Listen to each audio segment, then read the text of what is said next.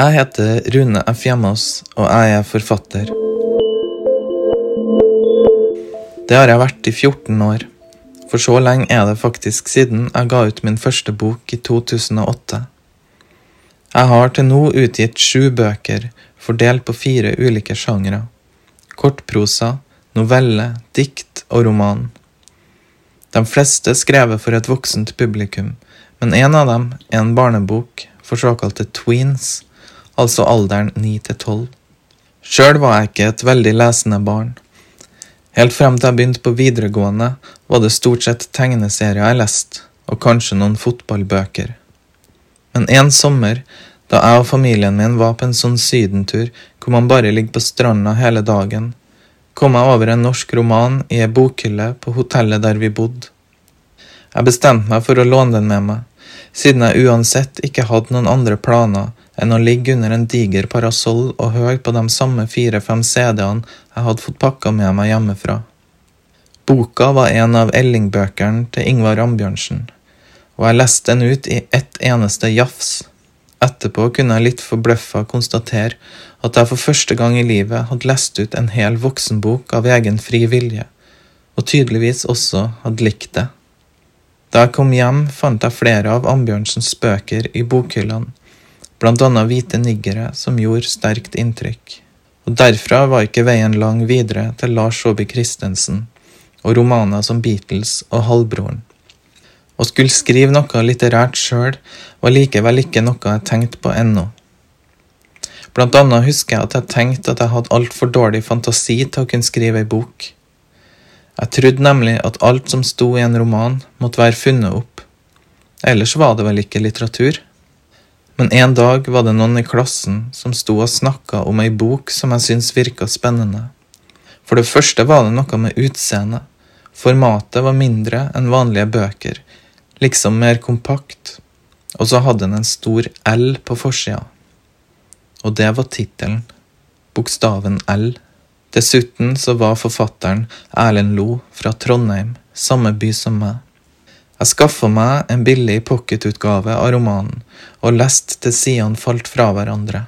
I L skildrer Lo ei faktisk reise til Polynesia, en slags parodi på Thor Heyerdahls ekspedisjoner, som et bilde på en generasjon som vokser opp i en verden der alt allerede er oppdaga.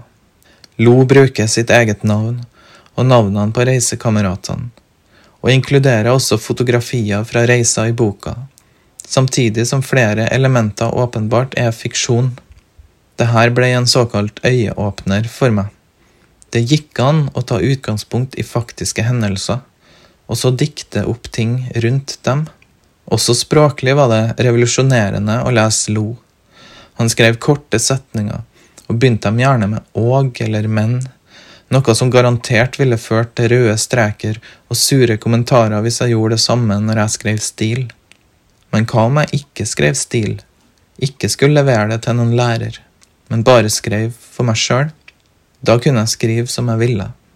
Den oppdagelsen var en stor forløsning, og jeg bestemte meg for å bruke Los metode fra L til å prøve å skrive noe med utgangspunkt i en klassetur til London i andreklassen på videregående. Resultatet ble en slags roman på 213 sider, som jeg fikk penger fra nettstedet Trafo til å trykke opp i 20 eksemplarer og gi bort til dem som var med på turen. For meg var det her først og fremst en test for å se om jeg klarte å skrive en såpass lang tekst. Og det gjorde jeg jo, beviselig. En av dem som var med på turen, og som fikk denne boka i etterkant, ble året etter revysjef for Russerevyen. Det var egentlig ikke noen tradisjon for russerevy på Heimdal videregående, der jeg gikk, men kullet vårt hadde lyst til å lage en, og jeg ble spurt om å skrive manus. Dette ærefulle oppdraget takka jeg selvfølgelig ja til. Ideen min var ganske enkel. Vi var russ 2001, og revyen måtte dermed het 2001 En russeodyssé. Inspirert av Kubrick. Historien ble lagt til fremtida, men ikke lenger frem enn året etter. Da hadde lærerne bestemt seg for å avlyse russefeiringa, fordi fjorårets russ, som altså var oss, hadde vært så vill. Konseptet var kanskje likevel litt for komplekst til at så mange fikk det med seg. Særlig etter at musikk- og dramalinja begynte å blande seg inn og insisterte på å klemme inn noen malplasserte danse- og musikalnummer. Men sånn er det kanskje å være dramatiker. Faktum var uansett at da jeg var ferdig med videregående, hadde jeg skrevet både en roman og et slags teatermanus.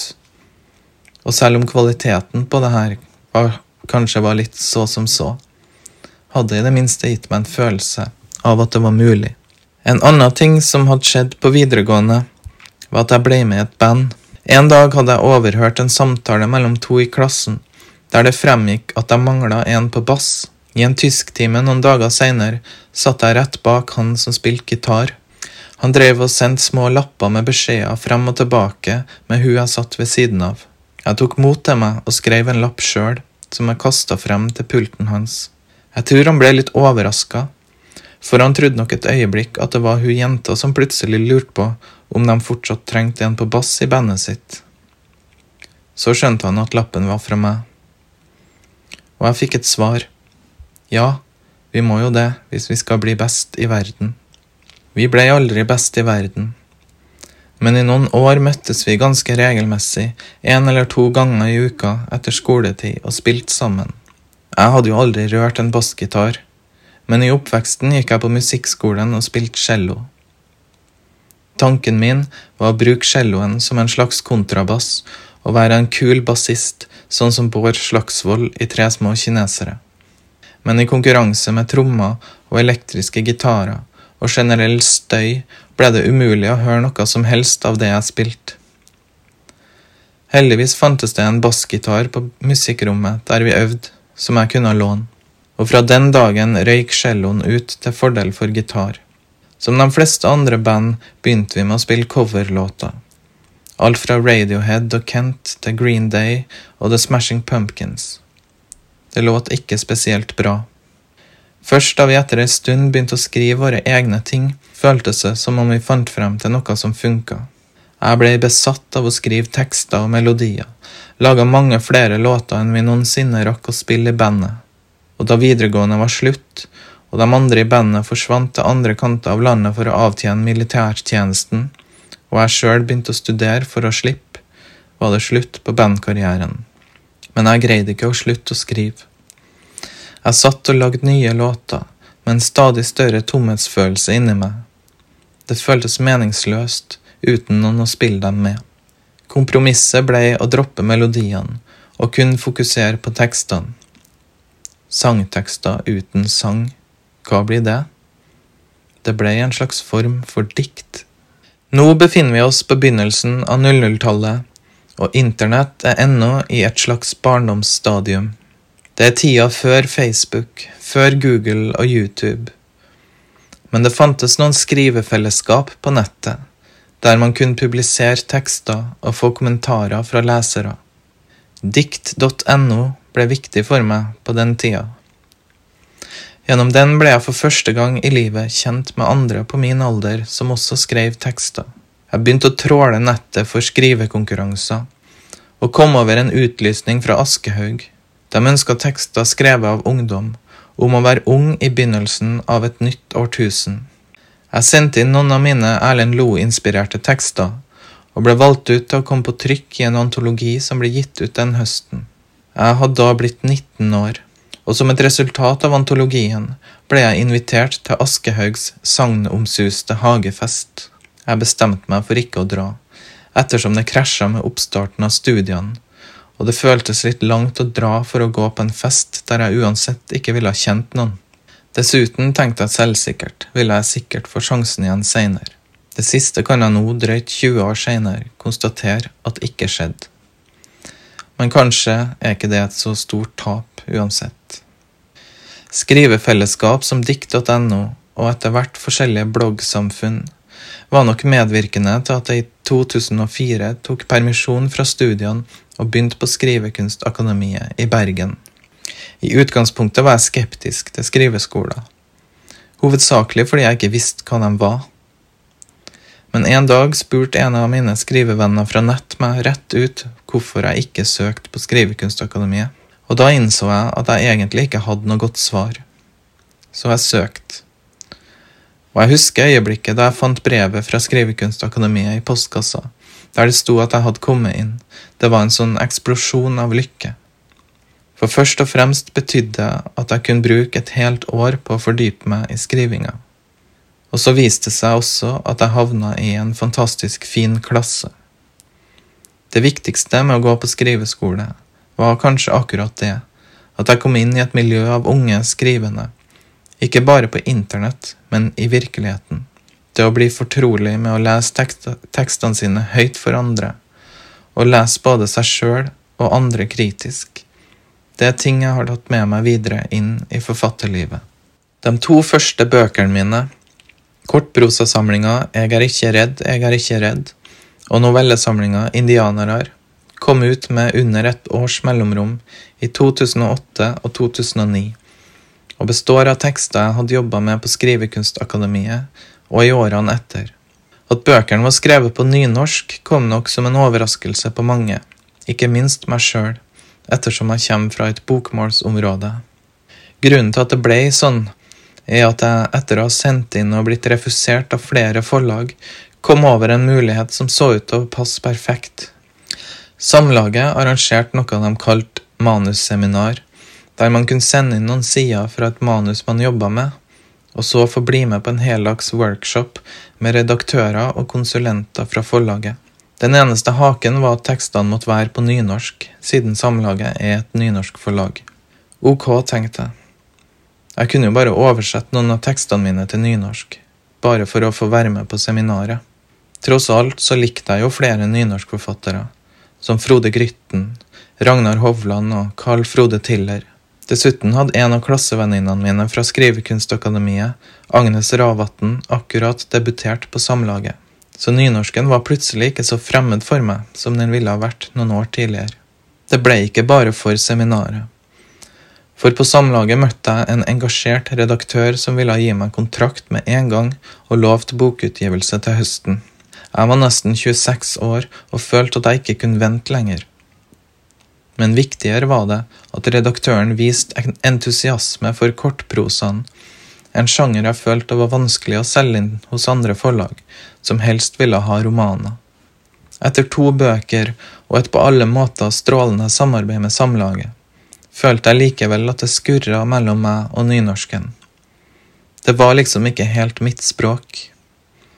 Derfor ble det et litt trist brudd med Samlaget, men heldigvis var tiden klar til å gi ut min tredje bok, og den første på bokmål, diktsamlinga Det er ikke vår, det er global oppvarming. Det er på tide å si litt om klima nå, siden det etter hvert har blitt et viktig tema i forfatterskapet. Jeg vokste opp på 90-tallet, da det var mye snakk om hull i ozonlaget, og jeg ble med i Blekkulfs miljødetektiver. Seinere fikk man kanskje følelsen av at ting gikk riktig vei, og engasjementet ble liggende litt igjen som en bortglemt rekvisitt fra barndommen. For mange ble nok klimatoppmøtet i København i 2009 en vekker. Det herska stor optimisme på forhånd, husker jeg, om at man skulle få til en ordentlig avtale. I stedet endte man opp med en kort og uforpliktende politisk erklæring, etter at forhandlingene brøt sammen. Dette var nok den første gangen jeg virkelig tok inn over meg muligheten for at det faktisk ikke er sikkert at vi greier å løse dette problemet. Og dessverre har vel ettertida bare forsterka den følelsen. I bøkene mine har jeg prøvd å skrive med det her som et slags bakteppe, uten å henfalle til dystopi eller moraliserende kampskrift. Novellene i Klimaendringer, novellesamlinga som jeg ga ut i fjor høst, prøver å vise noen av dilemmaene som folk ofte opplever i møte med den nye virkeligheten. En av novellene finner f.eks. sted i ei lita bygd der det er i ferd med å reises høye vindmøller. Her kolliderer hensynet til naturvern med hensynet til klimaet, og det er ikke nødvendigvis åpenbart hvilken løsning som er best. En annen novelle handler om en pensjonert oljearbeider som ikke vil forlate plattformen, men i stedet klatre opp i boretårnet der han blir sittende og tenke på gamle dager da det å jobbe i oljen var noe han kunne være stolt av. Nå føler han at han helst bør skamme seg, og at det store bidraget han i sitt yrkesliv har gitt til utviklinga av den norske velferden, er i ferd med å bli glemt. Oljen har utvilsomt vært viktig for Norge i flere tiår, vi trenger ikke å skamme oss over det, men hvis vi skal få til en grønn omstilling, er det viktig at vi ikke klamrer oss fast i fortida. Hvis litteraturen skal kunne bidra med noe konkret i samfunnet, så er det kanskje det å nyansere og utdype komplekse samfunnsutfordringer, som ofte blir veldig enspora polarisert i politiske debatter. I politikken handler det mye om å velge side, og stemme på riktig parti, argumentere for én løsning fremfor en annen. I virkeligheten er det ikke noe sånt skille. Konsekvensene av klimaendringene rammer deg like hardt, uansett om du er for eller imot å tildele nye letekonsesjoner for olje på norsk sokkel. Vi må forstå at vi står sammen om det her. Derfor tror jeg klimaendringene, enten jeg vil eller ikke, kommer til å fortsette å spille en viktig rolle for skrivinga mi. Rett og slett fordi det spiller en så stor rolle for vilkårene for oss mennesker på jorda i tida fremover.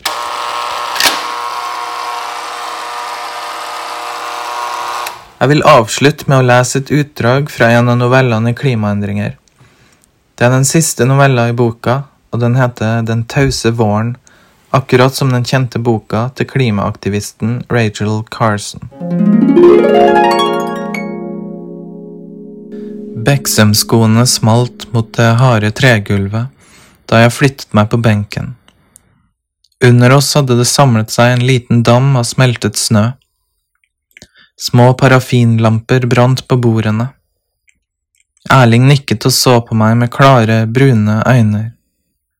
Slik kom han ofte til meg på nettene, kjernesunn og frisk, med dampen fra toddyen sivende opp langs de røde kinnene.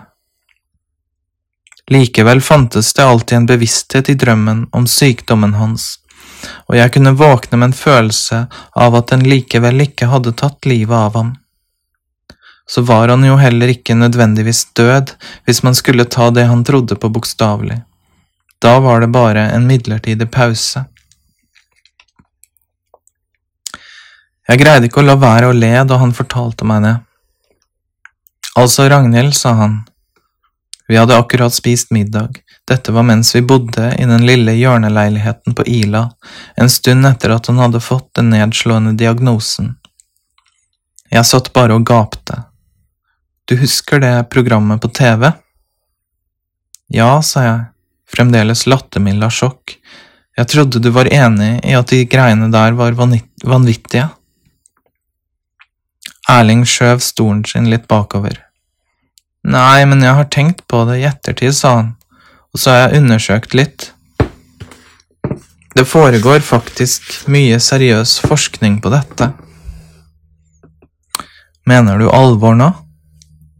Han nikket litt nølende, og så fortalte han at han allerede hadde underskrevet en avtale med et firma i Arizona. Hva? sa jeg, reiste meg. Jeg ville si noe mer, men ble bare stående og riste på hodet. Dette måtte jeg bruke noen sekunder på å ta inn over meg. Jeg gikk bort til kjøkkenbenken og så ut vinduet. Trikken rullet hverdagslig langs Ilevollen, og ungene lekte i parken. Det var like før det svimlet for meg. Og dette forteller du meg først nå, sa jeg, da jeg hadde summet meg litt. Han ga meg et blikk som både var unnskyldende og som litt skjelmsk forsøkte å underspille betydningen av det han nettopp hadde fortalt. Du trodde ikke jeg ville ta det seriøst, fortsatte jeg. Det har du kanskje rett i, sa han. Jeg satte meg ned ved bordet igjen plasserte begge albuene i bordplata. Så hvilte jeg hodet mot hendene og begynte å le igjen. Etter dette begynte han å gå med et lite sølvkjede rundt armleddet, der det var gravert inn instruksjoner for hva som skulle skje hvis han døde plutselig. Kroppen skulle holdes kald og injiseres med heparin, som ville forhindre at blodet koagulerte. Så skulle man kontakte firmaet i USA, som ville komme og ta seg av resten. Det tok meg lang tid å forsone meg med avgjørelsen Erling hadde tatt selv om jeg ikke helt forsto hva det var som gjorde meg så opprørt. I realiteten hadde han ikke gjort annet enn å bestemme hva som skulle skje med kroppen hans etter at han døde. Den skulle ikke brennes og tilintetgjøres, men fraktes til USA for å bevares intakt i en tank med flytende nitrogen. Kryopreserveres, lærte jeg at det het. Hva med kostnadene, sa jeg, hvordan har du tenkt å betale for dette? Erling fortalte at han hadde tegnet en livsforsikring som skulle dekke de fremtidige utgiftene. Den kostet ikke mer enn 12 000 i året. Det tilsvarer en kaffe latte om dagen, sa han avvæpnende. Såpass er jeg villig til å ofre for en sjanse til å få oppleve fremtiden. Fremtiden, fnøs jeg og viftet lett karikert med hånden, som om det dreide seg om et fjernt konsept som ikke hadde noe med meg eller mitt liv å gjøre. Faktisk er nåtiden mer enn nok for meg. Men for Erling var det annerledes, det skjønte jeg jo. Han var alvorlig syk og kunne drømme om at det en gang i fremtiden, når vitenskapen var kommet langt nok til at han kunne tines opp og vekkes til live igjen, også ville finnes medisiner som kunne gjøre ham frisk. Det var ikke nødvendigvis verre enn å tro på liv etter døden i en mer tradisjonell, religiøs forstand, fortalte jeg meg selv. Det var bare noen hakk mer konkret. Jeg reagerte en stund med å tenke stygt om fremtiden. Om et par hundre år har klimaendringene gjort planeten ubeboelig, tenkte jeg. Hvorfor skulle noen ønske å vekkes opp igjen da?